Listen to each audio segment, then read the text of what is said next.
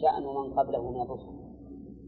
ومن فوائدها تحذير المخالفين له لقوله فانتقمنا من الذين أجرموا. ومن فوائد الآية أيضا رحمة الله عباده بإرسال الرسل. إذ لولا هذه الرسالة ما عرف الناس كيف يعبدون الله عز وجل. بل ولا عرفوا ما عرفوا من تفاصيل أسمائه وصفاته كما سبق في درس التوحيد. الرسل رحمة عظيمة للخلق. كما قال تعالى وما أرسلناك إلا رحمة للعالمين. ومن فوائد الآية الكريمة أيضا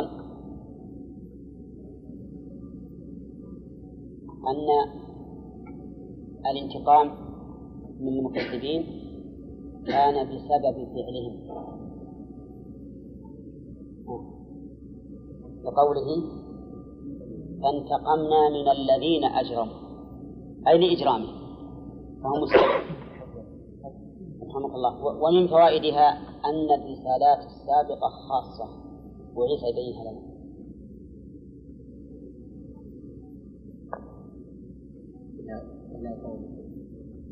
لقوله إلى قومه كذا؟ ويبينه الحديث الثابت في الصحيحين. وكان النبي يبعث إلى قومه. خاصة وبعث إلى الناس عام نعم. ومن فوائد الآية أن الله تعالى ما أرسل الرسل إلا ببينات تشهد بصدقهم وبشرائع بينة لا توجب لبسا على المتبعين من أين تؤخذ؟ فجاءوهم بالبينات أي بالآيات البينات الدالة على صدقهم وبالشرائع البينات الواضحة التي لا تقتضي لبسا على المتبع قال أهل العلم وآيات الأنبياء على حسب عصرهم ففي عهد موسى انتشر السحر وكثر فأعطاه الله تعالى من الآيات ما ما ما تبطل السحر. أولى وليست بسحر. أعطاه الله تعالى اليد وأعطاه العصا. قالوا وفي عهد عيسى تقدم الطب. فأعطاه الله من الآيات ما لا يمكن للطب أن يقوم به. وهو إبراء الأكمة والأبرص وإحياء الموتى وإخراجهم من قبورهم هذا ما يمكن يقوم به الطب أبدا. الميت لا يمكن يحيا بالطب. وقالوا أيضا إن الأبرص لا يمكن شفاؤه بالطب. الأكمة من هو؟ قالوا إنه الذي خلق بلا عين. خلق بلا عين. هذا يمكن فيما سبق من العصور ما يمكن أن يوضع له عين. لكن الآن إذا وجد مكان العين يمكن يوضع له عين. بالطب. لكن إذا لم يوجد مثل خلقه الله عز وجل بدون أن يخلق له مكان للعين ما يمكن أن يوضع له عين. في عهد الرسول صلى الله عليه وسلم قالوا إنها إن البلاغة بلغت أعلى ذروتها. فكان من أعظم آيات الرسول عليه الصلاة والسلام هذا القرآن الذي أعجز البلغاء والفصحاء. بل تحدى الله به كل الجن والإنس. قل لئن اجتمعت الإنس والجن على أن يأتوا بمثل هذا القرآن لا يأتون بمثله لا انفرادا ولا تعاونا. ولهذا قال ولو كان بعضهم لبعض ظهيرا. نعم. يقولون بإعجاز العلم القرآن نعم. يستخدمون هذا المعنى. أي أن أن الإعجاز من جنس ما تكون في كل قوم. فيقولون الآن يعني زالت الآن البلاغة من الناس. لا يعرفون يميزون أوجه البلاغة والفصاحة نعم. ولكن الآن طغى العلم والإعجاز العلمي ففيه إشارات. علمية يصدق قوم يعيشون نعم يمكن. هذا ما ليس يعني أقول ليس ببعيد. اي نعم. يمكن يكون صحيح. أنه مثلا أن القرآن في كل عصر يكون معجزة بما تناسب العصر. لأنه نزل لجميع الخلق إلى يوم القيامة. نعم. هذا يقول هذا القرآن. بكل ما معنى البلاغ لكنه في ذلك الوقت أشد ما فيه البلاغ. طيب وفيه أيضا إثبات فعل الانتقام لله عز وجل. فانتقمنا. وفيه أيضا إثبات العظمة لقوله فانتقمنا وأرسلنا. فإن هذا للتعظيم وليس للتعدد بإجماع المسلمين. إنما هو للتعظيم. ومن فوائد الآية الكريمة أن الله أوجب على نفسه نصر المؤمنين. بقوله وكان حقا علينا نصر المؤمنين ومنها أن هذا النصر لا بد أن يكون لأنه أتى بصيغة التعظيم. وكان حقا علينا ولم يقل علينا بل قال علينا إشارة إلى أن هذا الحق لا بد أن يكون. لأن الله تعالى أعظم من كل شيء. وفيه أيضا في دليل على أن غير المؤمنين لا ينصرون. قوله حقا علينا نصر المؤمنين. فإذا أورد إنسان علينا ما حصل من الانتصارات الخاطفة للكفار فما هو الجواب؟ أن هذا استدراج من الله عز وجل. حتى يتم النصر للمؤمنين في النهاية. إي نعم وقد يكون من مصلحة المؤمنين لأنه انتصار نصر لأنفسهم على أنفسهم. ثم إنه لا يدوم هذا النصر أبدا. العاقبة لا بد أن تكون للمؤمنين. نعم. وقال بعض أهل العلم إن النصر نوعان. نصر بالحجة والبرهان. ونصر بالسيف والسنان. فأما النصر بالحجة والبرهان فهو مضمون وثابت ولا فيه استثناء. أولا لأن الحجة والبرهان مع المؤمنين على كل حال. حتى لو هزموا عسكريا فإن الحجة والبرهان معهم. غالبون بحجتهم وبرهانهم. وهذا لا استثناء فيه. والثاني النصر النصر العسكري يعني بالسيف والسنان ونحن نقول الآن بالطائرة والقنابل وما أشبهها. هذا قد يحصل نصر لغير المؤمنين امتحانا للمؤمنين واستدراجا للكافرين. نعم. ثم قال عز وجل نعم. ذكرت أمس قد يؤخذ منها أن الرسول خاف الأنبياء. إي نعم. ما تقولون؟ هل يؤخذ منه أن الرسول صلى الله عليه وسلم خاتم الأنبياء؟ من قبلك؟ رسلا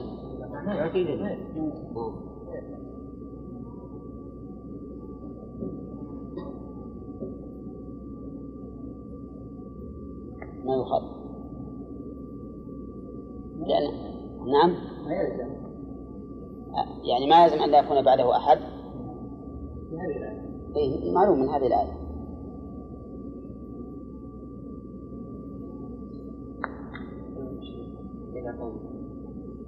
إيه. إلى قومهم. أي هذه تدل على على أن رسالاتهم خاصة. لكن هل تدل على أنهم على أنه انتهى؟ لأن الرسول خاف على الناس ولا يكون رسول القاديان يستدلون بهذه الآية بالآية ينزل الملائكة بالروح من أمره على من يشاء من عباده.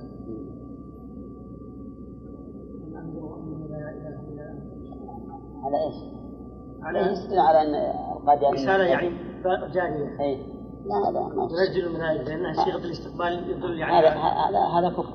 تدل على أن عندهم عند القاديان. إلى الكلام على أن هذه الآية هل تدل على ختم الرسالة الرسول صلى الله عليه وسلم لقوله وقد- ولقد أرسلنا رسلا ولقد أرسلنا من قبلك رسلا إلى قومهم أو لا تدل. الوجه الذي ذكره عبد العزيز عبد الله يقول قد تدل من حيث أن الرسول موصل إلى الناس عامة. والعموم هذا يشمل العموم الوقت والمكان والأمم وهذا يستلزم أن لا يوجد رسول بعد.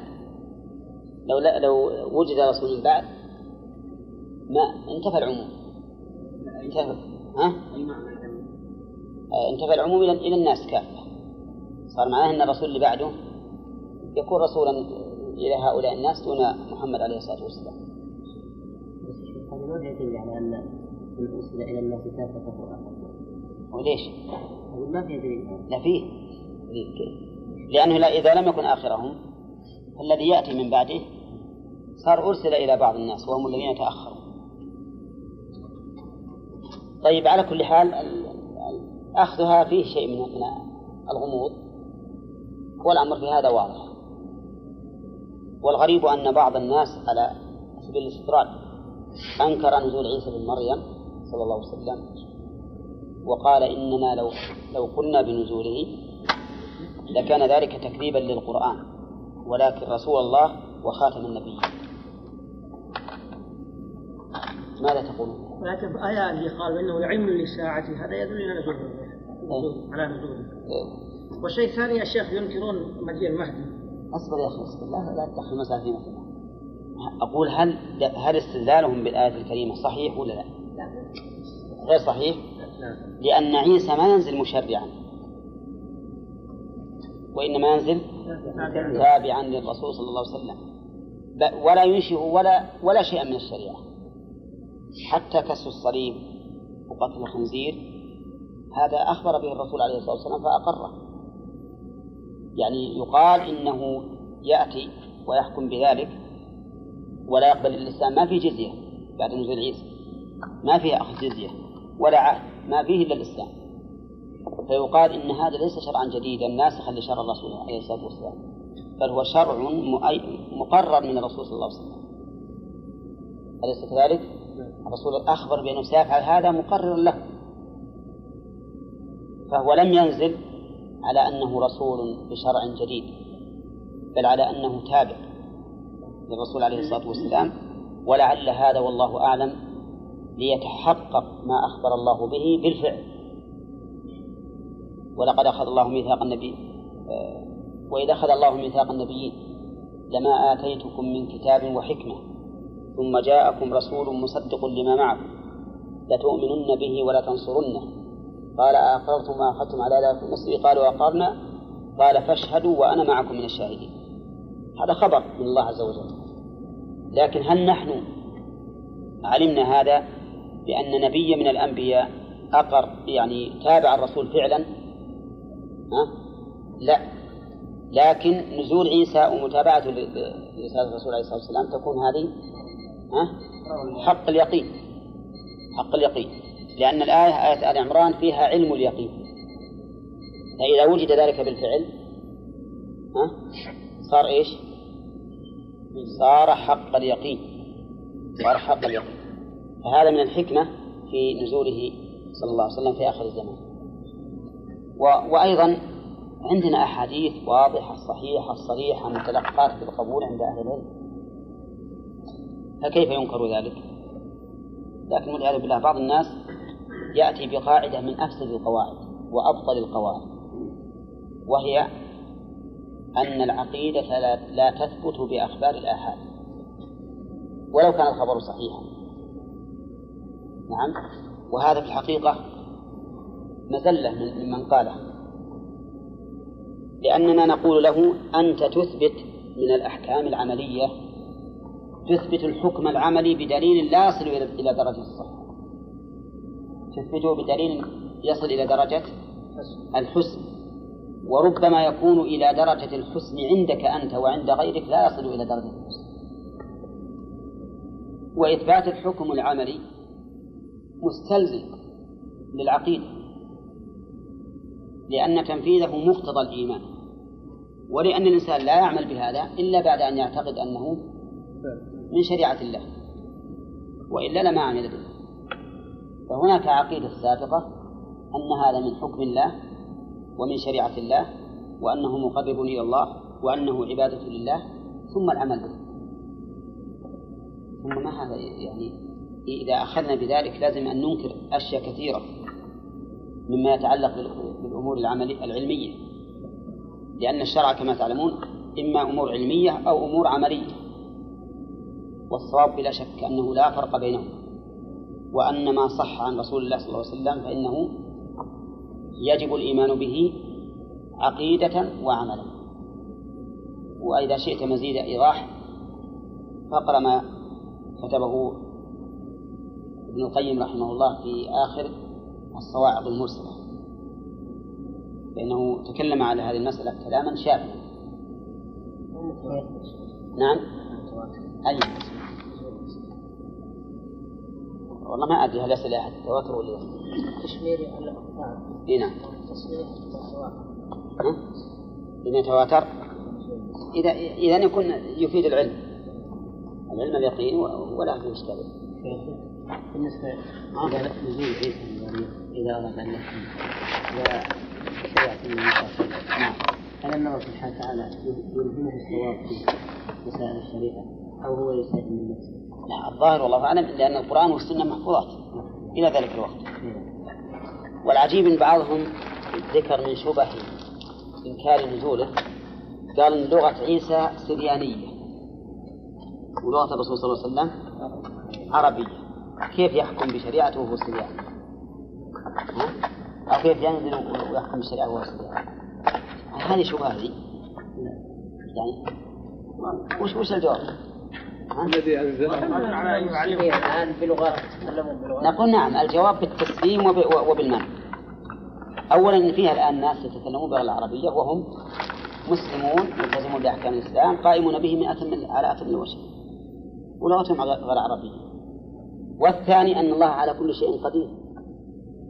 يمكن يكون آه، لسانه آه، عربيا إذا كان بالممارسة والمخالطة ينقلب لسان الإنسان من سرياني إلى عربي فكيف عاد بقدرة الله؟ لكن سبحان الله العظيم. الإنسان إذا اشتهى شيئا أتى بشبه. ما ما ما, ما تنطلي على أحد. قال تعالى ولقد أرسلنا من قبلك رسولا إلى قومهم قرأنا فجاءوهم بالبينات فانتقمنا من الذين أجرموا وكان حقا علينا نصر المؤمنين ها؟ أخذنا فوائدها أخذنا فوائدها وش قلنا؟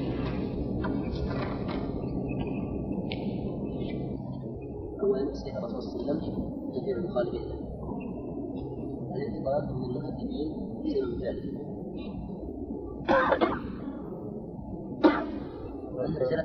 خاصة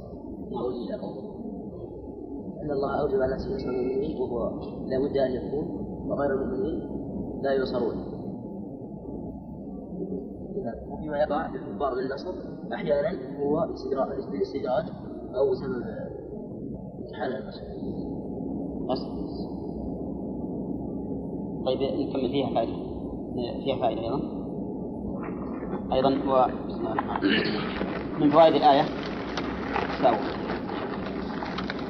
من فوائد الآية أيضا أن على الله حقا أوجبه على نفسه. بقوله تعالى وكان حقا عليه فإذا سئلنا هل يجب على الله شيء نقول أما بعقولنا فلا يجب على الله شيء. وأما أن يوجب هو على نفسه شيئا فهذا عنه واقع ومن فوائدها أيضا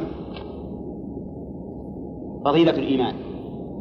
فضيلة الإيمان وأنه سبب للنصر وكان حقا علينا نصر المؤمنين. ثم قال الله الذي يرسل الرياح فتثير سحابا؟ قال المؤلف تزعجه.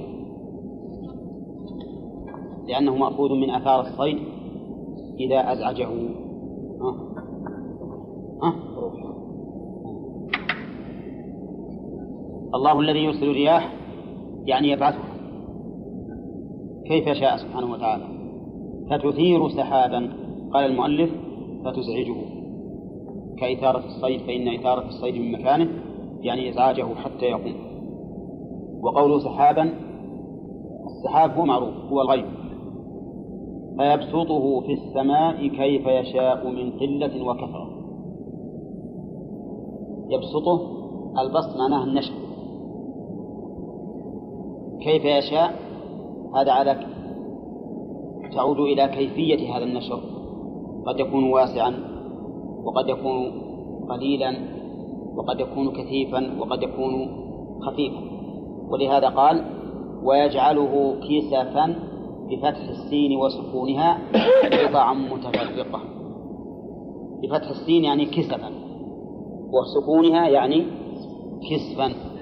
وقد قال الله تعالى وإن يروا كسفا من السماء ساقطا يقول سحاب مركوم كسفا. والكسف معناه القطع. وكأن المؤلف رحمه الله يريد أن يبين أن السحاب قد يكون واسعا منتشرا مبسوطا وقد يكون قليلا قطعا متفرقة. وقال بعض المفسرين معنى كونه كسبا أنه قطع متراكبة. نعم بعضها فوق. بعض حتى يسود ويدرهم ويحصل فيه الرعد والبرد وهذا أولى. المراد بالكسف يعني القطع المتراكبة التي يركب بعضها بعضا حتى تدلهم وتسود. وهذا في الغالب أكثر مطرا. يقول ويجعل كسفا فترى فترى الودق يخرج من خلاله. فترى الخطاب لكل من يتأتى خطابه لأن هذه الرؤية ليست خاصة خاصة بالرسول صلى الله عليه وسلم. وقولها الودق يعني المطر يعني حبات المطر تسمى ودقا يخرج من خلاله أي وسطه وقيل من بينه من بين هذا السحاب وقوله فترى الودق إذا قال قائل نحن لا نراها بأعيننا المجردة. ما نرى أن المطر يتخلل هذا السحاب الحزين فيقال إنه خبر صدق. فيكون إيش؟ يكون كالمشاهد.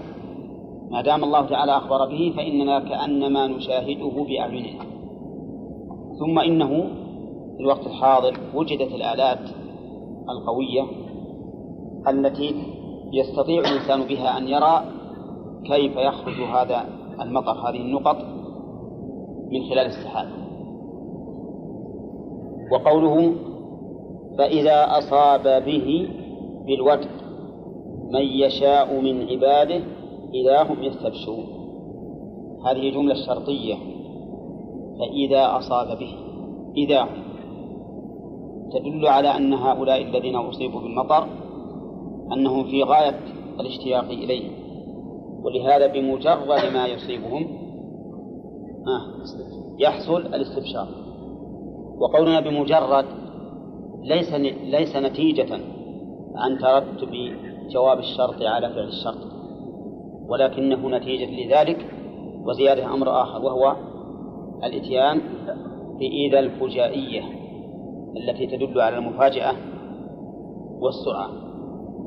إذا إذا تفيد الشرط. وفعل الشرط هو أصابع وجواب الشرط جملة هم يستبشرون المصدرة بإذا الفجائية قلنا إن هذا التعبير يدل على أن هؤلاء في غاية ما يكون من الاشتياق إلى نزول الغيث. ها. وش ذلك؟ استبشارهم بمجرد الإصابة وليس استبشارا عاديا كترتب الجواب على الفعل على فعل الشرط ولكنه أبلغ لأنه أتى بإذا الفجائية الدالة على المبادرة بوجود ذلك الشيء. وقوله يستبشرون قال المؤلف يفرحون يفرحون بالمطر. وهو أشد من الفرح من مجرد الفرح. الاستبشار أشد من مجرد الفرح. بل هو يستبشر بنفسه وربما يهنئ غيره ويبشره. ولهذا في أول ما يأتي المطر في أيام الموسم موسم المطر تجد مثلا الناس إذا رأى بعضهم بعضا لا سيما الذين يأتون من البراري يقول بشروك أنه نزل مطر وأنه كثير أو حسب ما يكون. فالاستبشار هنا أبلغ من من مجرد الفرح. لكن المؤلف رحمه الله ربما يفسره بالتقريب وقول فإذا أصاب به من يشاء من عباده من يشاء. لا ما يشاء الناس بل الذي ينزل الغيث هو الله عز وجل. وليس أحد يستطيع أن ينزله. وأما ما ذكر من أنهم الآن يسلطون مواد كيماوية على السحاب فينزل المطر فإننا نقول إن صح هذا الأمر فمن الذي خلق هذا المطر؟ ها؟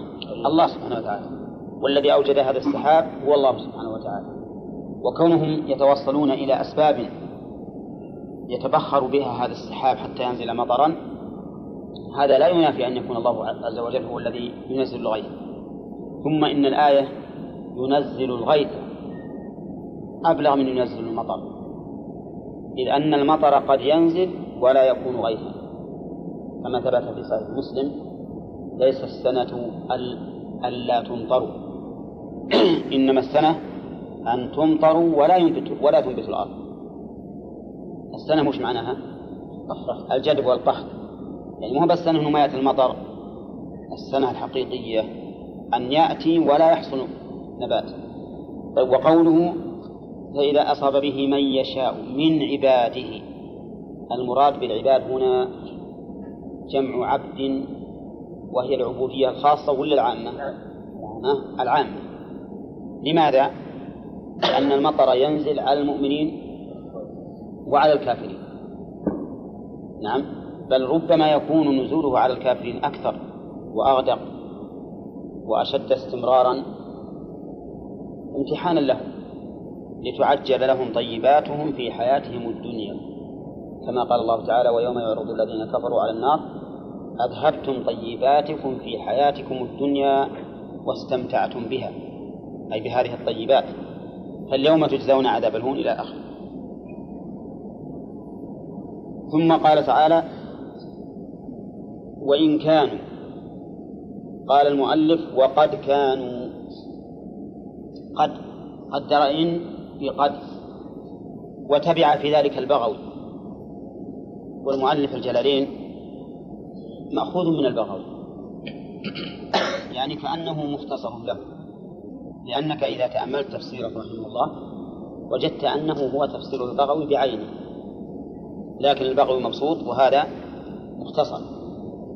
وقال إن قد ولا أحد من أهل النحو قال بهذا القول إلا أن يقوله على سبيل التفسير فقط. والصواب الذي لا شك فيه هو أن إن هنا مخففة من الثقيلة. مخففة من الثقيلة.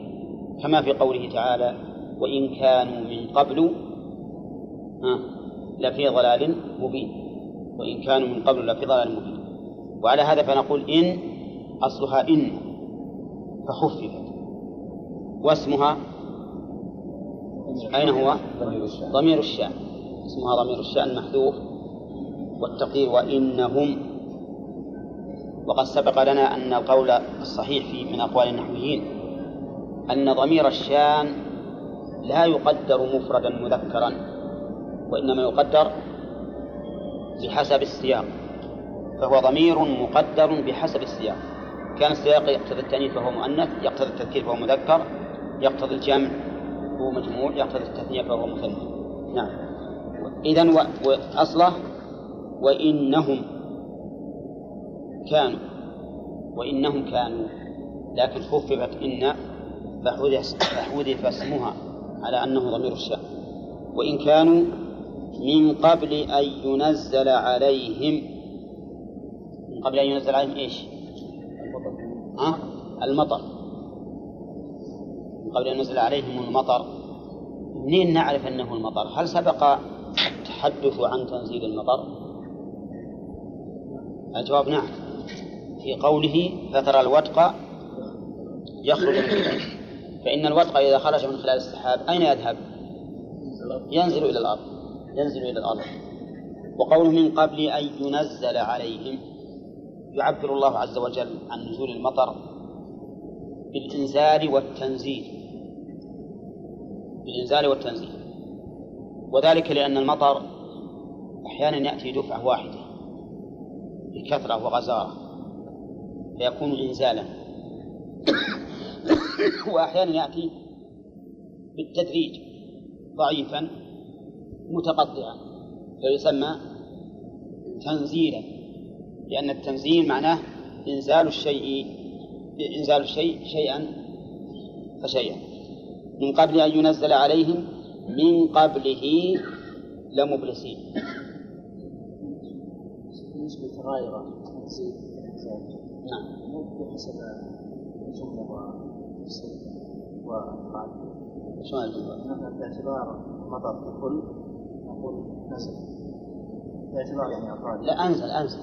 أنزل. أي باعتبار باعت- باعتبار الكثرة والتفريق يعني. بعد أيام يأتي ثم يأتي أيضا بقليل. أحيانا مثلا يكون المطر يومين ثلاثة ولكنه قليل. وأحيانا يأتي كما تشاهدون سحبا عظيمة كأنها أفواه القرى. وقوله من قبله وإن كانوا من قبل أن ينزل عليهم من قبله لمبلسين. كلمة من قبله اختلف فيها أهل العلم. فقال بعضهم كما قال المؤلف إنها تأكيد. إنها تأكيد. كقوله تعالى فلا تحسبنهم بمفازة من العذاب ولهم عذاب أليم. لا تحسبن الذين يفرحون بما أتوا ويحبون أن يحمدوا بما لم بما لم يفعلوا فلا تحسبنهم بمفازة من العذاب. كرر الفعل توكيدا. هذا قول. وهو الذي مشى عليه المؤلف وعليه أكثر المفسرين. أن قوله من قبله أي من قبل أن ينزل عليه. فكأنه قال وإن كانوا من قبل أن ينزل عليهم من قبل أن ينزل عليهم لمبلسين ليكون تكرارها آه للتوكيد. وقال بعض المفسرين إنها كررت للتأسيس لا للتوكيد. ومعلوم أنه إذا دار الكلام بين أن يكون توكيدا وأن يكون تأسيسا. فالأصل التأسيس. يعني الأصل عدم التوكيد لأن التوكيد تكرار. والأصل؟ عدم التكرار. فيرى بعض المفسرين أنها ليست للتوكيد وأنها للتأسيس. يبالغ من الفرق يقول العلماء رحمهم الله. الفرق بين التوكيد والتأسيس. أن التوكيد معناه أن هذا هو الأول. والتأسيس. معناه, معناها أن هذا غير الأول. معناها أن هذا غير الأول وأنه كلام مستقل. على القول بأنه تأسيس ما معناه؟ قال بعضهم من قبله أي من قبل الاستبشار وإن كانوا من قبل أن ينزل عليهم من قبل الاستبشار لمبلسين. فذكر الله لهم حالين. قبل الاستبشار وبعده. فهمتم؟ وهذا ما مشى عليه أبو السعود وهو جيد. ولا فيه إشكال من حيث التصور والمعنى. المعنى وإن كانوا من قبل إنزال المطر من قبل ذلك الاستبشار. ها؟ لمبلسين فنبههم الله على حالهم قبل الاستبشار وهو الإبلاس وعلى حالهم بعد ذلك. نعم. وقال بعضهم من قبله أي من قبل قبل أن ينزل عليهم. من قبله يعني وإن كانوا من قبل أن ينزل عليهم من قبله أي من قبل ذلك القبل. من قبل ذلك القبل. فيجعلون الضمير في قوله من قبله ليس عائدا إلى المطر ولا عائدا ولا عائدا إلى الاستبشار وإنما يجعلونه عائدا إلى القبل فالمعنى على هذا وإن كانوا من قبل أن ينزل عليهم من قبل ذلك القبل لمبلسين. فيكون فائدتها أن الإبلاس مستمر معه من قديم الزمان. فيأتي موسم فييأسون ولا يأتي مطر. نعم فيأتي موسم لا يأتي فيه مطر فيبلسون. ثم يأتي موسم آخر فيبلسون. ثم يأتي موسم آخر فيبلسون وهكذا. ومعلوم أنه إذا تكررت مواسم قلة المطر كان أشد. ها؟ في الإبلاس. هنا معنى إن هذا الاستبشار إنه أتى بعد يأس مرتين فأكثر. أتى بعد يأس مرتين فأكثر وهذا أيضا أيضا ذكره ابن كثير رحمه الله في تفسيره وصار لدينا في قوله من قبله كم قولا؟ ها؟ ثلاثة أقوال القول الأول أنها توكيد والثاني أن الضمير يعود على الاستبشار والثالث أن الضمير يعود على القبل أي وإن كانوا من قبل أن ينزل عليهم من قبل ذلك القبل أيضا لمبلسين أما قوله لمبلسين فهي بالنصب خبرا. آه لكان وين كان؟ وإن كانوا واقترنت اللام بها من أجل من, من أجل إن. من أجل إن. نعم. والاقتران هنا واجب ولا جائز؟ لا جائز. لا جائز يعني ولا واجب. لا جائز قلت لا جائز وهذا يقول لا واجب. لا وجائز نعم. لا وهو واجب. لا وهو جائز. طيب ما هو سبب الوجوب؟ ما سبب الوجوب؟ إيه؟ لا بد أن تقلب يقلب اللام. إيه؟ وما هو وجه الجواز؟ وجه الجواز إنها ان ما تشتبه بالنفي هنا ويجب اقتران ان إن المخففه يجب اقترانه إذا اشتبه بالنفي. إيه؟ أما هنا فما اشتبه. منين من أين تعرف ذلك من كلام مالك؟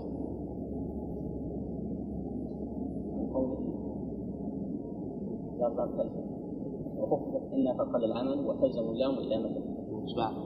وربما استغني عنها إن بدا مناطق أراده. وأنت؟ ما تقول في هذه الحجة؟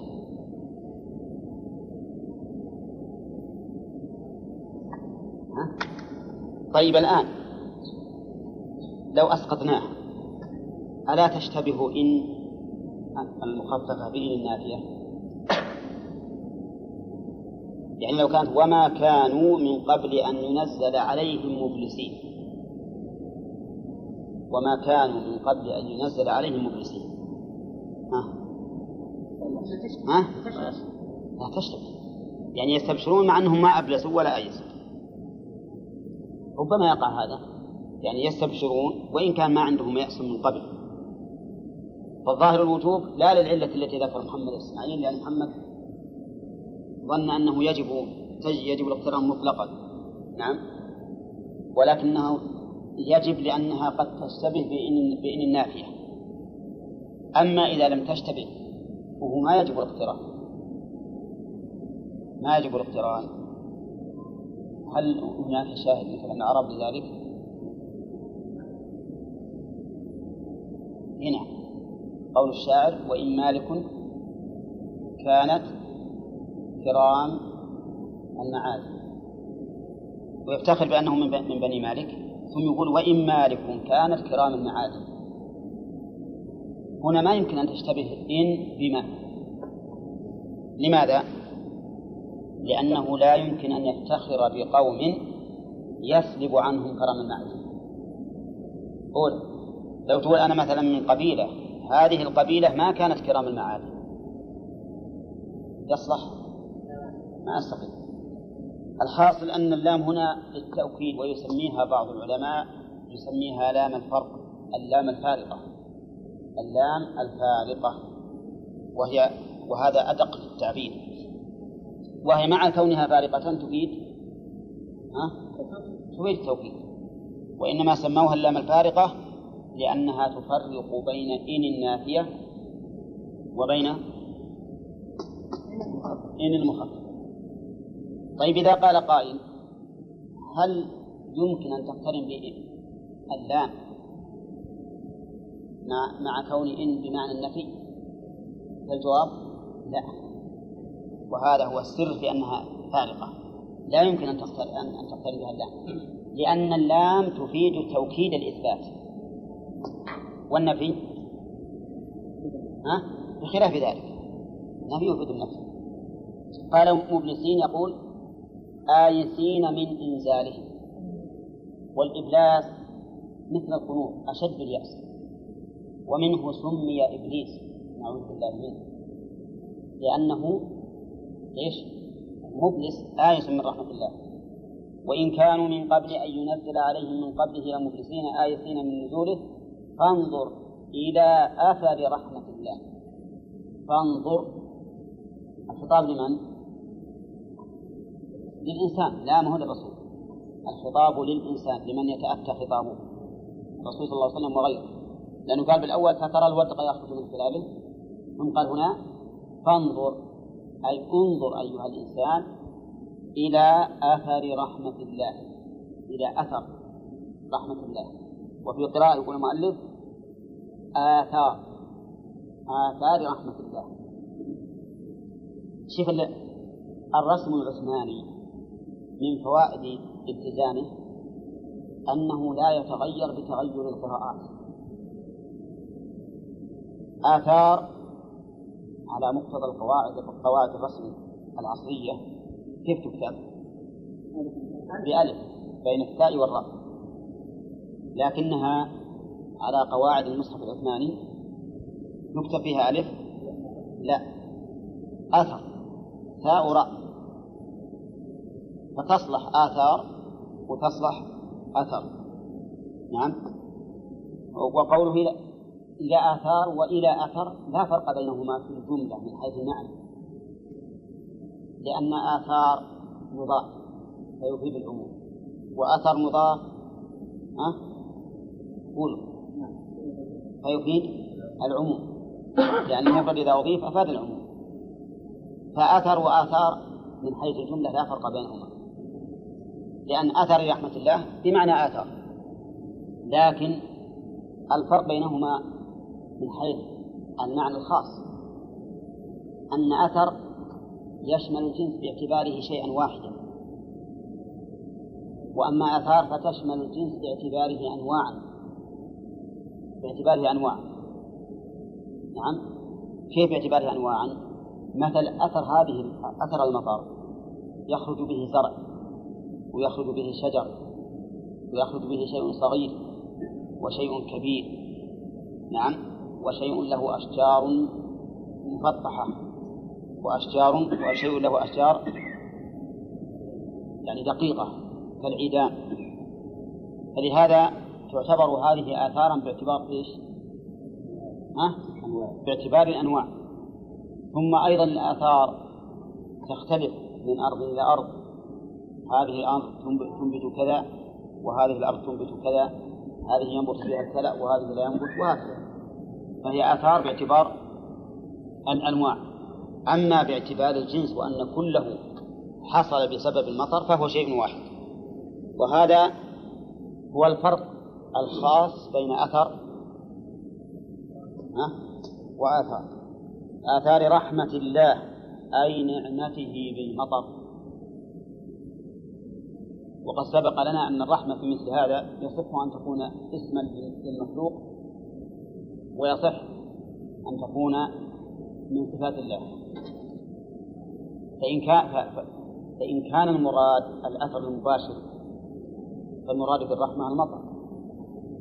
لأن هذا النبات نبت بماذا؟ بالمطر. وإن كان المراد السبب غير المباشر فالمراد بالرحمة صفة الله. يعني لكون الله جل وعلا رحيما فهذه من آثار الرحمة. إنه ينزل المطر وتنبت به الأرض ويزول به القحط. نعم. فالآية صالحة لهذا ولهذا. قال كيف يحيي الأرض بعد موتها؟ كيف يحيي الأرض بعد موتها؟ هذا مما يرجح أن المراد بالرحمة الصفة. رحمة الله. كيف يحيي هو؟ أي ذو الرحمة سبحانه وتعالى. يحيي الأرض يجعلها حية بعد موتها. قال المؤلف أي يبسلها وحياة كل شيء بحسبه.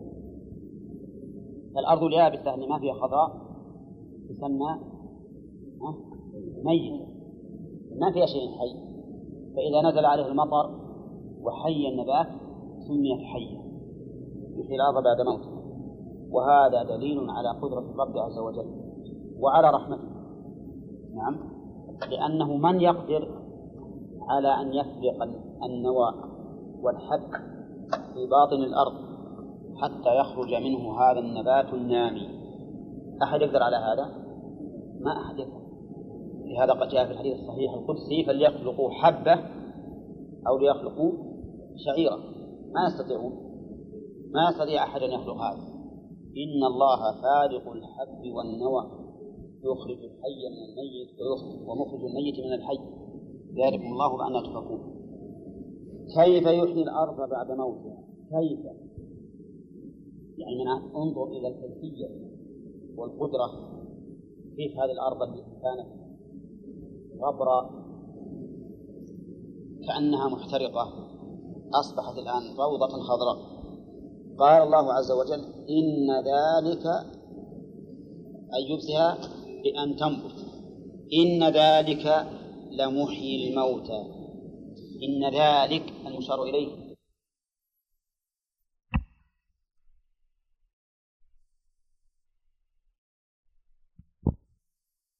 تكون عبثا يخلق بشر.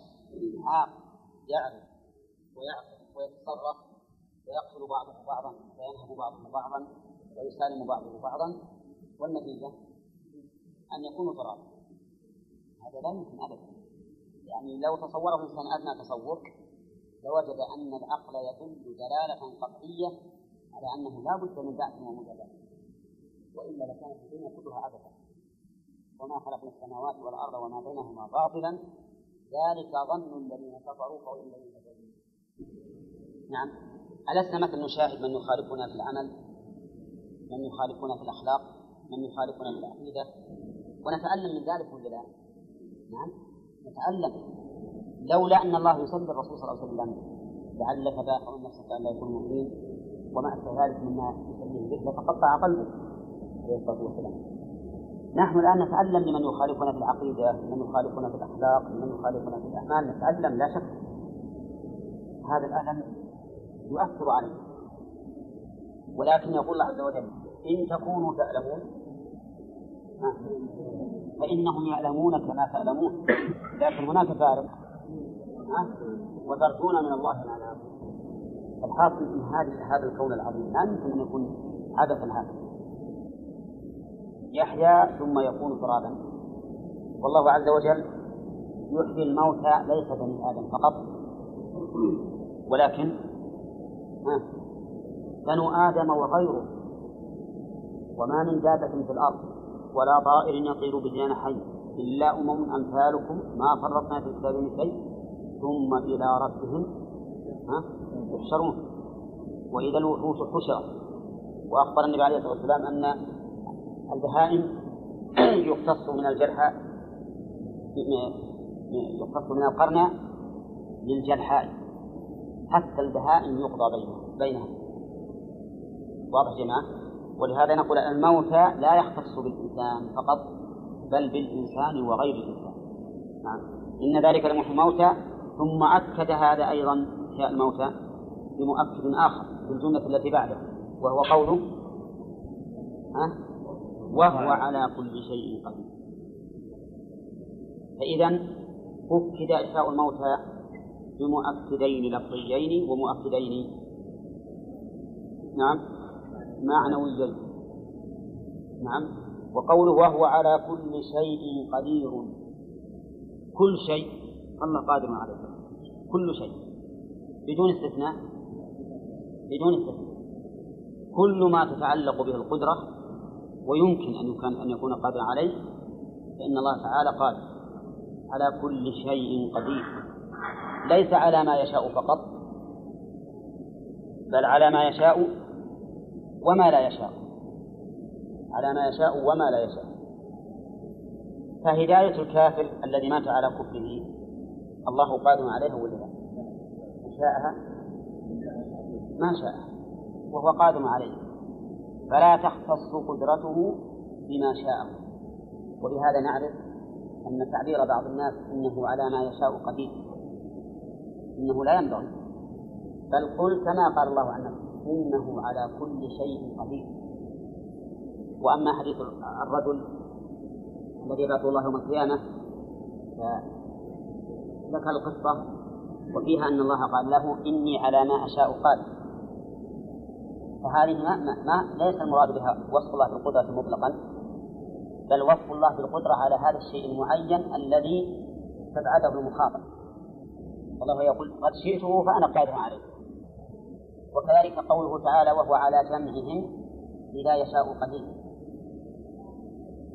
فالقيد بالمشيئة هنا ليس على ليس عائدا على القدرة لكنه عائد على الجمع. الشيء المعين ممكن أن تقيده بالقدرة. أما إذا أردت وصف الله بالقدرة فلا تقيده بالمشيئة. ففرق بين أن تعلق القدرة بشيء معين خاص وبين أن أن تذكر على سبيل الوصف العام لله. إذا كان وصفا عاما لله فالله تعالى ما ذكر قيد المشيئة أبدا. وكان ربك قديرا وكان الله على كل شيء قدير والله على كل شيء قدير وما أشبه ذلك. والقدرة القدرة ضد العدل. القدرة ضد العدل. انظر إلى قوله تعالى وما كان الله ليعجزه من شيء في السماوات ولا في الأرض إنه كان عليما ها؟ إيش؟ قديرا. إنه كان عليما قديرا وأتى بالعلم هنا لأن العاجز قد يعجز لعدم علمه بالشيء نعم واحد مهندس مهندس لكن فيه روماتيزم ما يقدر يتحرك مهندس تمام قلنا له اصنع السيارة هذه يقدر ولا لا؟ ها؟ ما يقدر ليش؟ ما عنده قدرة ما يعني عاجز ما يقدر يتحرك وآخر نشيط. نعم يحمل الحجر الذي أكبر منه.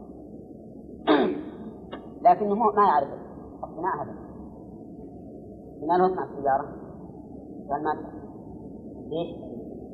لعدم العلم. لعدم العلم. انتفاء القدرة قد يكون لعدم العلم وقد يكون لعدم القدرة. ما عنده علم ما عنده شيء. يعني عادي طيب ذكر صاحب التفسير هذا في قوله تعالى لله ملك السماوات والأرض. آخر سورة المائدة لله ملك السماوات والأرض. وما فيهن؟ وهو على كل شيء قدير. ذكر له عبارة منكرة. وهو ما أراد بها سوءا الله أعلم ما أراد بها سوءا فقال وخص العقل ذاته فليس عليها بقادر. خص العقل ذاته. يعني أن العقل يقتضي تخصيص ذات الله فالله ما يقدر عليه. نعم صحيح هذا؟ ها؟ ما صحيح؟ هذا ليس بصحيح. هذا ليس بصحيح. بل الله على كل شيء قدير. ولهذا الله تعالى استوى على العرش. بفعله ولا لا؟ ها؟ بفعله وقدرته. ينزل إلى السماء الدنيا. يأتي للفصل بين عباده. نعم يتكلم بما أراد. كل هذا مما يتعلق بذاته وهو قادر عليه. فإن قال قائل الله يقدر على إماتة فلان. هل يقدر على أن يميت نفسه؟ ها؟ هذا ما يمكن. لا لا لانتفاء القدرة. لكن لأن هذا أمر لا يليق به وهو أشد من العدل. أشد من العدل. فنقول امتناع هذا لأنه مستحيل على الله عز وجل.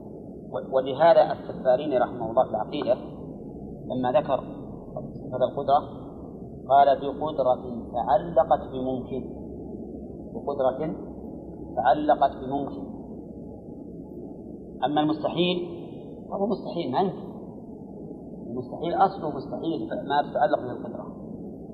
يقال إن الشيطان إذا مات العالم يفرح. يفرح فرحا عظيما.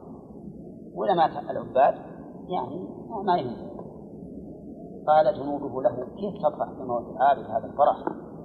ولا تفرح بموت العابد اللي كل النهار محراب. قال نعم لأن موت العالم لأن العالم أشد علينا من العابد. وإذا شئتم أنا الآن أضرب لكم فذهب إلى إلى إلى العابد وقال له هل يقدر الله عز وجل أن يجعل السماوات والأرض في جوف بيضة؟ قال لا ما يقدر ما يقدر قال هل يقدر الله يخلق مثله؟ قال الخلق إنما أمره إلى رسول أن يقول له كن فيكون. يمكن يقدر يخطب نعم. صح هذا؟ ها؟ هذا لا صح. وغير ممكن. فذهب إلى العالم فقال له مثل هذا القول. قال أما خلق مثل فهذا شيء مستحيل. ولا يمكن للمخلوق أن يكون مثل الخالق أبدا مهما كان. وأما كونه يجعل السماء والأرض جوف الليل فهو على كل شيء قدير. فهو على كل شيء قدير. المسكين العابد كفر من وجهين نعم أثبت ما لا يمكن. نعم ونفى ما يمكن. وهذا حقيقة. يعني العباد العباد مثل ما قال سفيان بن عيينة يقول من فسد من عبادنا ففيه شبه من النصارى. ومن فسد من علمائنا ففيه شبه من اليهود واليهود أخبث من النصارى. لا شك لأن العالم فساده والعياذ بالله عن علم والعابد فساده عن جهل. وما كان عن جهل فهو أهون مما كان عنه نعم. بالنسبة قول من قال إنه على نعم. ممكن نستخلص قاعدة أن الصفات الذاتية لا تناقض المشيئة الصفات الفعلية تناقض المشيئة عموما يعني إلا هذا القاعدة القاعدة عندهم أن الصفات الذاتية هي لازمة للذات والفعلية ما تتعلق بالمشيئة هذه قاعدة شيخ بالنسبة للتنزيل والإنزال نعم في القرآن كيف يحكم؟ كيف؟ كيف يعني يجاب عن ذلك؟ أي آية؟ في القرآن في نفس القرآن يعني ورد أنه ينزل ورد تنزيل. إيه؟ كيف قال؟ المراد إذا ورد أنه نزل مثل إنا أنزلناه في ليلة القدر. يكون المراد ابتداء إنزاله يعني أنزلنا الجملة منه. مو وأما التنزيل فهو باعتبار مجموعه يكون نازلا شيئا بشيء كما في قوله تعالى وقرآنا فرقناه لتقرأه على للناس على مكتب. نعم. ونزلناه تنزيلا مع أنه قد يأتي التنزيل لشيء وقع جملة واحدة. مثل قوله تعالى وقد نزل عليكم في الكتاب أن إذا سمعتم آيات الله يكفر بها ويستهزأ بها فلا تقولوا معه. فعلى هذا تكون القاعدة التي ذكرها أهل العلم في هذه المسألة قاعدة أغلبية ما هي لازمة نعم صحيح.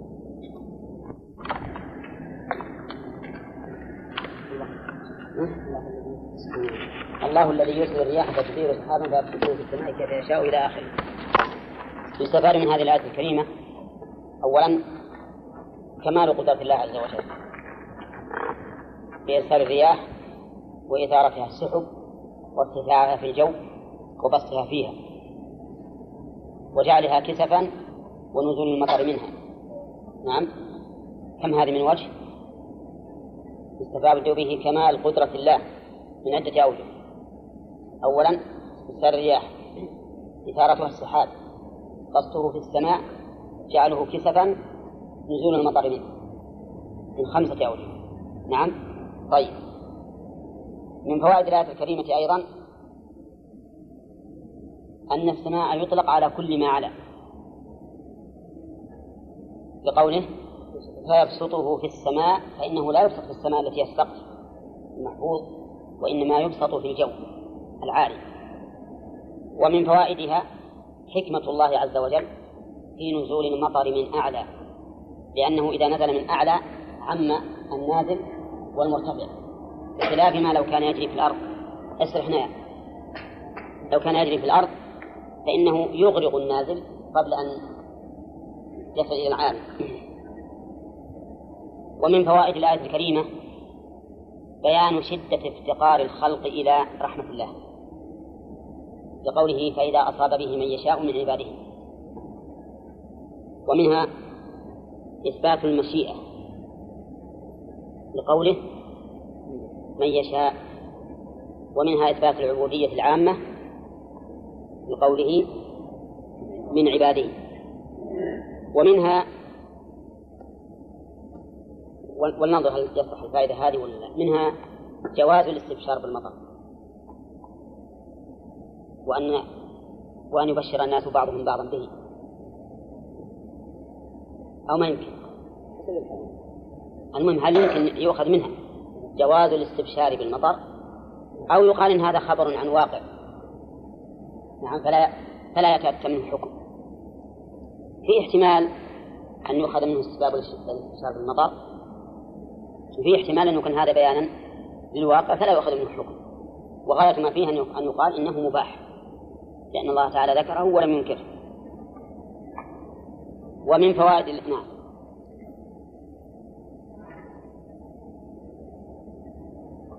ومن فوائد الآية بيان رحمة الله عز وجل بكون المطر ينزل نقطا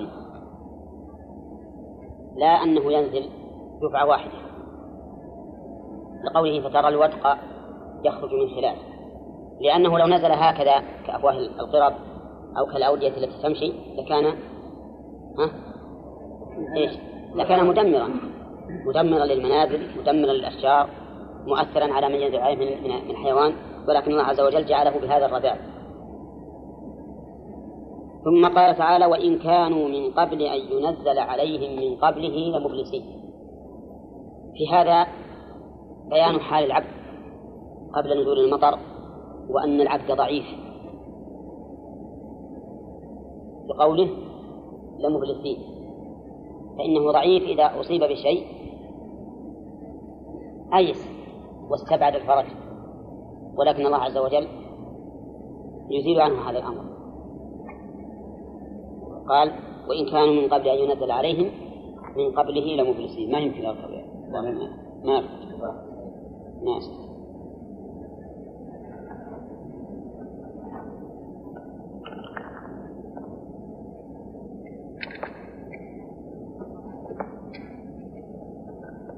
اشتغل اشتغل اشتغل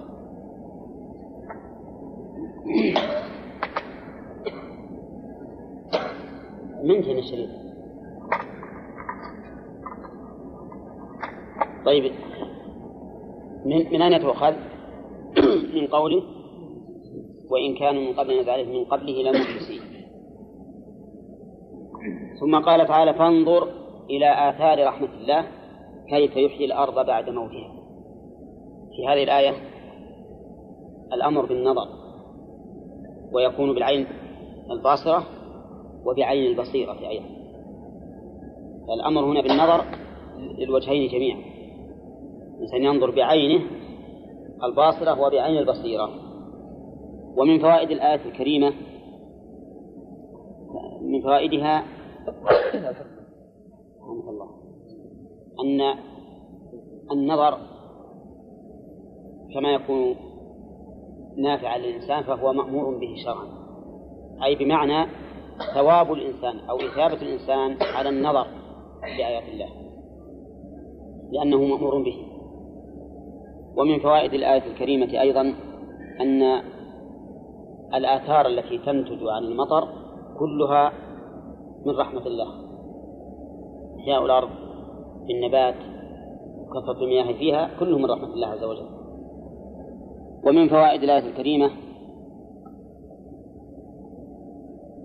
إثبات قدرة الله سبحانه وتعالى على إحياء الموتى.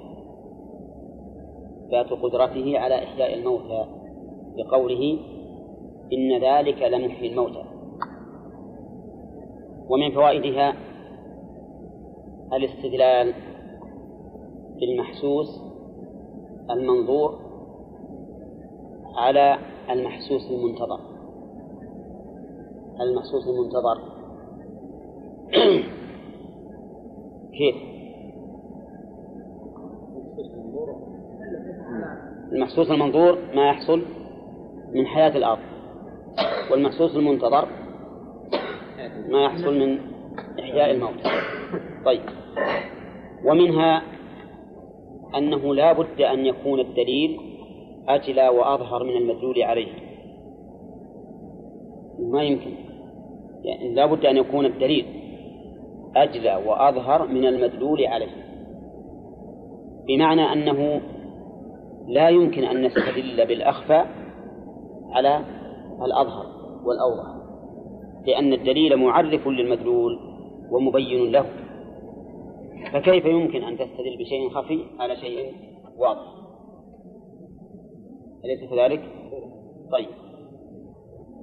ومن فوائد الآية الكريمة رحمة الله تعالى بعباده حيث يضرب لهم الأمثال ويبين لهم الأدلة ليتوصلوا إلى اليقين.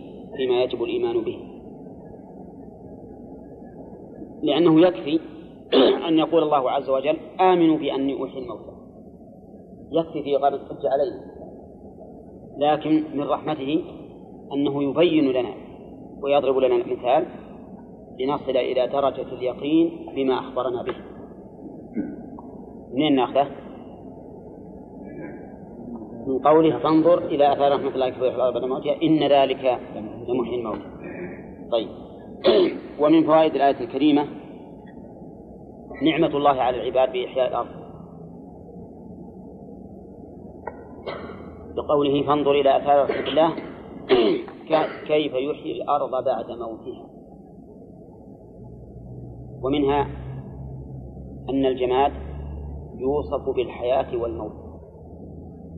يوصف بالحياة والموت. فيه رد على الفلاسفة الذين يقولون إن الجماد لا لا يمكن أن يوصف بالحياة والموت لأنه غير قابل لها. ونقول إن الله تعالى وصف الجماد بأنه حي وميت كما في هذه الآية. وكما في قوله والذين يدعون من دون الله لا يخلقون شيئا وهم يخلقون أموات غير أحياء. مع أنها أصنام من الأحجار والأشجار وما أشبهها ومن فوائد الآية الكريمة عموم قدرة الله. ثبوت صفة القدرة وعمومها. ثبوت صفة القدرة وعمومها بقوله وهو على كل شيء قدير. على كل شيء قدير. لا يعجزه شيء في السماوات ولا في الأرض. ثم قال الله عز وجل وهو درس اليوم ولئن أرسلنا ريحا فرأوه مصفرا لظلوا من بعده يكفرون. ولئن اللام هنا لام قسم. دخلت على إن الشرطية. ولئن أرسلنا. وقول لظلوا هذا هو الجواب. لكنه جواب لأيهما؟ للشرط أو أو للقسم؟ ها؟ جواب للقسم. جواب للقسم. لأنه لو كان جوابا للشرط محتاج إلى الله. فعل ماضي يجاب به الشرط بدون واسطة. وأيضا فإن القاعدة عند أهل العلم بالعربية أنه إذا اجتمع شرط وقسم يحذف جواب المتأخر منهما. قال ابن مالك واحذف لدى اجتماع شرط وقسم جواب ما أخرت فهو ملتزم. واحذف لدى اجتماع شرط وقسم جواب ما أخرت فهو ملتزم. واحذف لدى اجتماع شرط وقسم دل عليه اللام الموضع في القسم. وفي الشرط إن. والجواب الآن للقسم. لظل. لظل بعد يكون. وجواب وجواب الشرط محذوف دل عليه جواب القسم. ولئن أرسلنا ريحا في الفرق. الأول يقول الله عز وجل الله الذي يرسل الرياح. وهنا قال ولئن أرسلنا ريحا مفرد. وقد ذكرنا سابقا أن الجمع يكون رحمة والإفراد يكون عذابا. هذا الغالب. ولئن أرسلنا ريحا فرأوه مصفرا رأوه الضمير لا يعود على الريح لكنه يعود على ما حي بالماء والماء بالماء الذي نزل من السماء. لأنه تقدم لنا نعم. أحيا به الأرض كيف يحيي الأرض بعد موتها يعني ولئن أرسلنا ريحا فرأوا هذا الذي حي مصفرا. يعني يابسا حطيما بهذه الرياح. لظلوا من بعده يكفرون. نعم. نقرأ كلام مالك. ولئن يقول لام قسم لام قسم أرسلنا ريحا مضرة على على نبات فرأوه الضمير يعود على إيش؟ على النبات. مصفرا لظلوا جواب صاروا جواب القسم.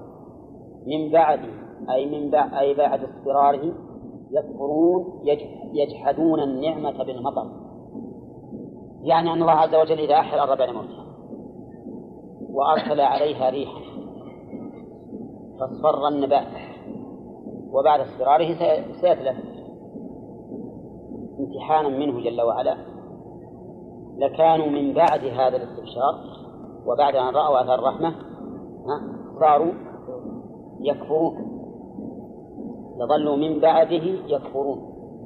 يقولون كيف هذا؟ يأتي المطر وينزل وتحيا الأرض ثم تأتي هذه الريح فتهلكهم فيكفرون والعياذ بالله. وينسون نعمة الله السابقة. ينسونها. وهذا من الامتحان.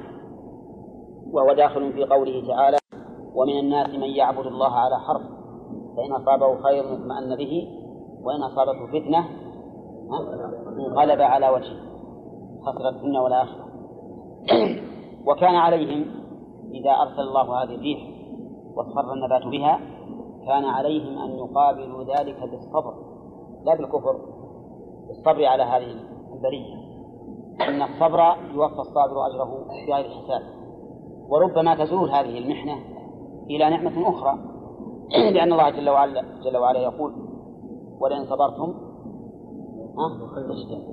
لهو خير للصابرين. ولئن صبرتم لهو خير للصابرين.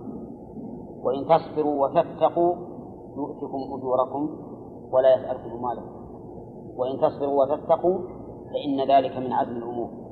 فالمؤمن يصبر عند البلاء ويشكر عند الرخاء. قال تعالى فإنك لا تسمع الموتى. أي؟ لا على الصراط. قال فإنك لا تسمع الموتى إنك الخطاب للنبي صلى الله عليه وسلم. ويجوز أن يكون الخطاب عاما لكل من يتأتى خطابه. لا تسمع الموتى. يعني لا تسمعهم سماعا ينتفعون به. أو لا تسمعهم حين الدعوة. حين الدعوة. والأقرب الأول. لأنه ليس من المعقول أن أحدا يقف على الأموات ويقول يا أيها الناس اعبدوا الله واتقوه. هذا ليس بمعقول لكن إذا لو فرض أنه دعاه فهل يسمعون سماعا ينتفعون به؟ ها؟ الجواب لا. لا يسمعون سماعا ينتفعون به. فإذا قال قائل هذا تقييد للآية. الآية مطلقة لا تسمع الموت فكيف ساغ لكم أن تقيدوها؟ بقولكم سماعا ينتفعون به. نقول إن هذا أعني نفي السماع يطلق على نفي السماع النافع. كما في قوله تعالى ولا تكونوا كالذين قالوا سمعنا وهم لا يسمعون. يسمعون بآذانهم لكن لا يسمعون سماعا ينتفعون به. نعم. ولا نحمله على الإطلاق لأن سماع الموتى قد وردت به الآثار. وردت به الآثار. فإن رسول الله صلى الله عليه وسلم ثبت عنه أنه وقف على أصحاب قبيل بدر من المشركين. وكان وجعل يدعوهم بأسمائهم وأسماء آبائهم. يا فلان بن فلان يا فلان بن فلان هل وجدتم ما وعد ربكم حقا؟ فإنا قد وجدنا ما وعدنا ربنا حقا. فقال عمر يا رسول الله ما تخاطب من قوم قد جيفوا يعني كيف تخاطب الجيع؟ موت. فقال ما أنتم بأسمع لما أقول منه. يعني هم يسمعون أشد من سماع. نعم. فإذا ثبت أن الموت يسمعون وكذلك صحح ابن عبد البر رحمه الله حديثا ورد عن الرسول عليه الصلاة والسلام أنه ما من أحد يسلم على ميت كان يعرفه في الدنيا إلا رد الله عليه روحه فرد عليه السلام. وهذا ذكره ابن القيم في كتاب الروح وذكر تصحيح ابن عبد البر له ولم يتعقبه وعلى هذا فهم يسمعون. لكن لكن إيش؟ لا ينتفعون بذلك. لكنهم لا ينتفعون بهذا بهذا السماع. وردت آثار أيضا عن الصحابة في هذا الأمر. ذكر ابن كثير رحمه الله عند هذه الآية عند هذه الآية وثبت أيضا في الصحيح أن الإنسان إذا انصرف عنه أصحابه بعد الدفن حتى إنه ليسمع قرع نعالهم أتاه ملكان يسمع قرع نعالهم على الأرض كما يمشي الإنسان على السقف فنسمع مشيه على السقف وهذا أيضا يقول يسمع قرع النعال وش قرع النعال؟ نعم ولكن الله تعالى يجعلهم يسمعون ذلك. الحاصل إن أننا نقول كل هذا يؤيد أن المعنى فإنك لا تسمع الموتى يعني سماعا ينتفعون به. ومعلوم أن أن الرسول صلى الله عليه وسلم ما دعا الموت. ما ذهب إلى القبور يدعوهم. نعم. ولكنه ولكن الذين يدعوهم من الأحياء كالموتى. لا يستجيبون ولا ينتفعون بالدعوة. يقول عز وجل ولا تسمع الصم الدعاء. الصم مفعول أول والدعاء مفعول ثاني.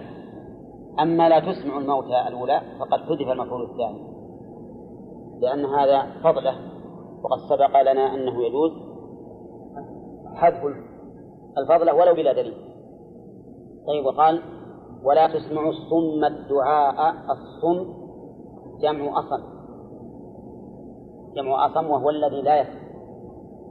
ما يسمع ما ما, ما تسمع. لا سيما إذا اقترن به الإدبار. إذا ولوا مدبرين. وهذا أشد ما يكون بالنسبة للأصم بانتفاء السماع عنه. الأصم لا يسمع ولو كان مقابلا لك. فكيف إذا؟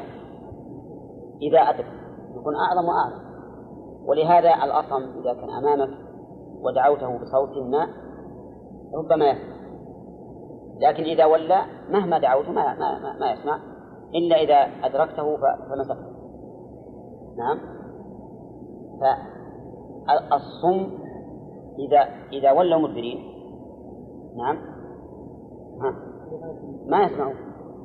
ما يسمعون وإنما قيد الله عز وجل الصم بهذه الحال لأنها هي الحال التي لا يسمعون بها مطلقا. بخلاف ما إذا كانوا أمامك فإنهم قد يسمعون ويستدلون على ما تقول بحركات شفتيه نعم. ولا تسمعوا ثم الدعاء قال المؤلف بتحقيق الهمزتين وتسهيل الثانية بينها وبين الياء. الدعاء إذا هذا إيش؟ تحقيق. الدعاء إذا ولى الثاني تسهيل الثانية بينها أي بين الهمزة المحققة وبين الياء. أي ولا ثم الدعاء إذا خليه بين الهمزة وبين الياء. ها؟ سبعيتان نعم. ثم قال وما أنت بهادي العمي عن ضلالتهم. الآن انتقال الموتى الصم العمي. وما أنت بهادي العمي عن ضلالتهم. ما نافية للجنس؟ ما نافية للجنس. وأنت اسمها. والبحر شر زائد. الظاهر أنكم إلى الآن ما قمتم من النوم. طيب ولا أنكرت من الأول. ما في معنى في الجنس لكن نقول ما حجازية ما حجازية صح؟ نعم. ما حجازية وأنت اسمها. والبحر شر زائد وهذه خبرها. نعم. طيب وما أنت بهادي اسم فاعل بهادي العمي العمي جمع أعمى لأن أفعل جمعه فعل. قال ابن مالك فعل لنحو أحمر وحمراء فعل لنحو أحمر وحمراء أحمر مثل أعمى وحمراء مثل عمياء. فعمي جمع للذكور. آه والإناث. بهذا العلم عن ضلالتهم. إيش معنى ضلالتهم؟ يعني عن متاهتهم. إذا تاهوا في الطريق ما أنت بهذا العلم عنه فكذلك هؤلاء الذين عموا عن الحق والعياذ بالله. فلا يرونه وصموا عنه فلا يسمعون. وماتوا عنه فلا يفقهونه هؤلاء أيضا لا تستطيع أن تهديهم. أولا فتأمل الآن في مسألة الموت ومسألة الصمم. قال إنك لا تسمع الموتى ولا تسمع الصم وفي باب العمى قال ما أنت بهادي العمي. ما قال ما أنت بمسلم؟ السبب لأن البصر تتعلق به الدلالة وهي الهداية بخلاف الصمم يتعلق به السمع. طيب و وما أنت بهذه على وما أنت بهذه العمي عن ضلالتهم؟ إن ما تسمع سماع إفهام وقبول إلا من يؤمن بآيات القرآن فهم مسلمون. إن قال المؤلف ما؟ معنى إما؟ آه. ما هذه تفسيرية. ولهذا ما تدغم بإن. ما يقال إما. بل يقال إن ثم يقال ما. على سبيل الإظهار. لأن ما تفسير له فهي هي. إن بمعنى ما تسمع قال المؤلف سماع إفهام وقبول. ما تسمع إلا إلا من يؤمن بآياتنا القرآن فهم مسلمون. أي فبناء على إيمانهم هم مسلمون منقادون.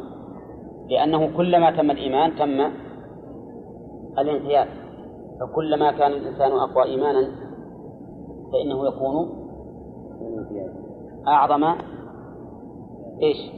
أعظم انقيادا. أعظم انقيادا. ولهذا الإيمان يستلزم الإسلام. كل مؤمن مسلم. ولا عكس ما كل مسلم مؤمنا. قد يستسلم الإنسان ظاهرا وقلبه منطوي على الكفر والعياذ بالله. بخلاف الإيمان. ولهذا رتب على الإيمان رتب عليه الإسلام بالفاء. فهم مسلمون. أي فهم من أجل إيمانهم ها مسلمون منقادون. قوله إلا من يؤمن بآياتنا قال المؤلف إنها إنها القرآن. مع أن آيات جمع. وليست مفردا.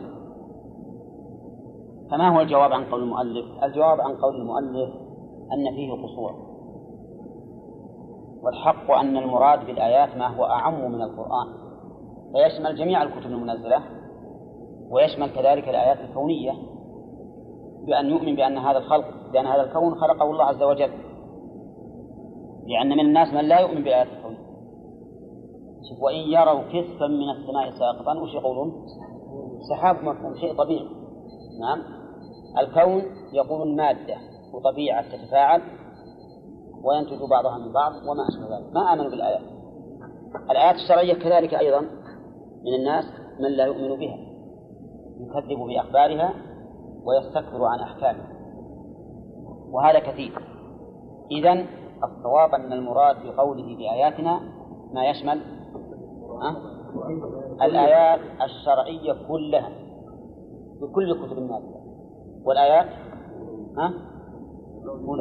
والآيات الكونية كلها يعني من الناس من ينكر الآيات الكونية كما تعلمون. فإذا قال قائل إن تسمع إلا من يؤمن بآيات معلوم أن المؤمن سامع. فكيف يقول؟ إن تسمع إلا من يؤمن والمؤمن سامع فكيف تجيب هذا؟ عن هذا؟ حصر عليه. أي نعم. حصر عليه. إيه لكن من يؤمن سامع. تسمع من يؤمن. بحيث أنه قابل للدعوة. قابل للسماع. ها؟ قابل للسماع الاستقامة. يعني إن طيب. الجواب عن هذا من أحد وجهين إما أن يقال إن تسمع إلا من يؤمن أي إلا من كان مستعدا للإيمان بما تقول. ومكتوبا عند الله عز وجل أنه مؤمن. وهذا أمر غير معلوم للرسول عليه الصلاة والسلام لكن يجب عليه أن أن يبذل الدعوة. فيسمعها من كان في علم الله أنه مؤمن وكان مستعدا للإيمان. هذا وجه. أو يقال إن الدين شرائع. ليس شيئا واحدا بل هو شرائع وشعائر متعددة. فالذي ينتفع بهذه الشعائر ويطبقها من؟ هو المؤمن بها. هذا هو الذي هذا المؤمن الذي وقع الإيمان منه فعلا هو الذي يسمع.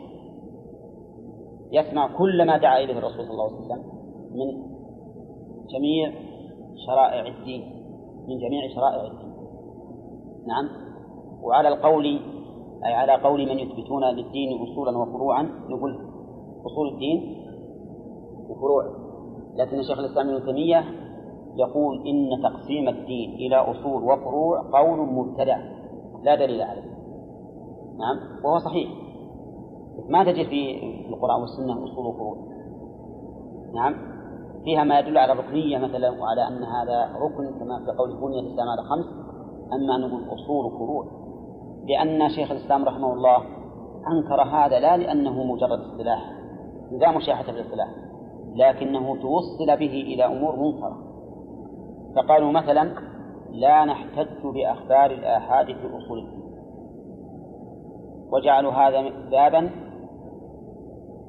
يلجون به إلى إنكار الصفات وإلى إنكار ما ورد في أخبار اليوم الآخر وما أشبه ذلك.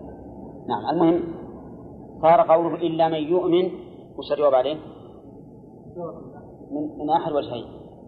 الأول إلا من كان مستعدا للإيمان بحيث أن الله قدر له ذلك فهذا يسمع وينتفع أو إلا من يؤمن من كان الآن مؤمنا لكنه يسمع ما يتلقى بعد ذلك من شعائر الإسلام وشرائعه. فهم مسلمون. المؤمن مسلم ظاهرا وباطنا؟ والمنافق؟ مسلم ظاهرا لا باطنا. والمعلن بكفره؟ ظاهرا وباطنا. ليس مؤمن لا ظاهرا ولا باطنا. والناس ما يخرجون عن هذه الأقسام الثلاثة من كفر ظاهرا وباطنا ومن آمن ظاهرا وباطنا ومن آمن ظاهرا لا باطنا فيه قسمة رابعة لكن ما تنفع وهي من آمن باطنا ها؟ لا ظاهرا. هذا ما يمكن. صحيح أنه قد يكون ضعيف الإيمان فتجد فيه مخالفات في ظاهره. كالمؤمن الفاسق كالمؤمن الفاسق. أما أنه يكون آه لا يكون لا عنده ليس عنده إسلام أبدا فهذا ما يمكن. نعم. لا يطلق على من ما ما ها؟ لا ما يقع هو مسلم ظاهرا لكن فيه مانع. مانع من من الظاهر. طيب ومن جحد جحد إذا استثنت ها؟ ما يكون ما يكون سلامك لأن هذا كفر. هذا كفر. لأنه جعله كفرا. هذا كفر. فريقا فرأوه مصفرا لظلوا من بعده يكفرون هذه الجملة الباصرة ويحتمل أنها عمل بصيرة. نعم. وأيا كان سواء كان حسيا أو معني أو معنويا وهو ظاهر السياق فإن معنى ذلك أن الرسول صلى الله عليه وسلم لا يملك أن يهدي هؤلاء. و وفيها سيأتي شرع مقادمة من الناس نعم. قوله إن تسمع إلا من يؤمن بآياتنا. ما نوع هذه الجملة؟ لا. الله الذي خلقكم من ضعف. هذه هذه الآية سيقت لبيان حال الإنسان وكمال قدرة الله عز وجل. قال الله الذي خلقكم من ضعف. الله مبتدأ والذي خبره خلقكم من ضعف يقال بفتح الضاد وبضمها نعم. ضمها لغة الحجازيين وفتحها لغة بني تميم. ولهذا يروى عن ابن عمر رضي الله عنه أنه قال أقرأني رسول الله صلى الله عليه وسلم من ضعف بضم الضاء. خلقكم من ضعف. لكن الحديث ضعيف.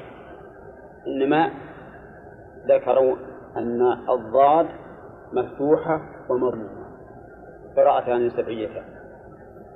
والفتح لغة بني تميم والضم لغة الحجازية ها؟ من قراءة في قراءة حفص بالضم هل نقول غلط ولا لا غلط ولا- صح. صح أي إنسان يقرأ بكل قراءة ثابتة هو صحيح. الله الذي خلقكم من ضعف.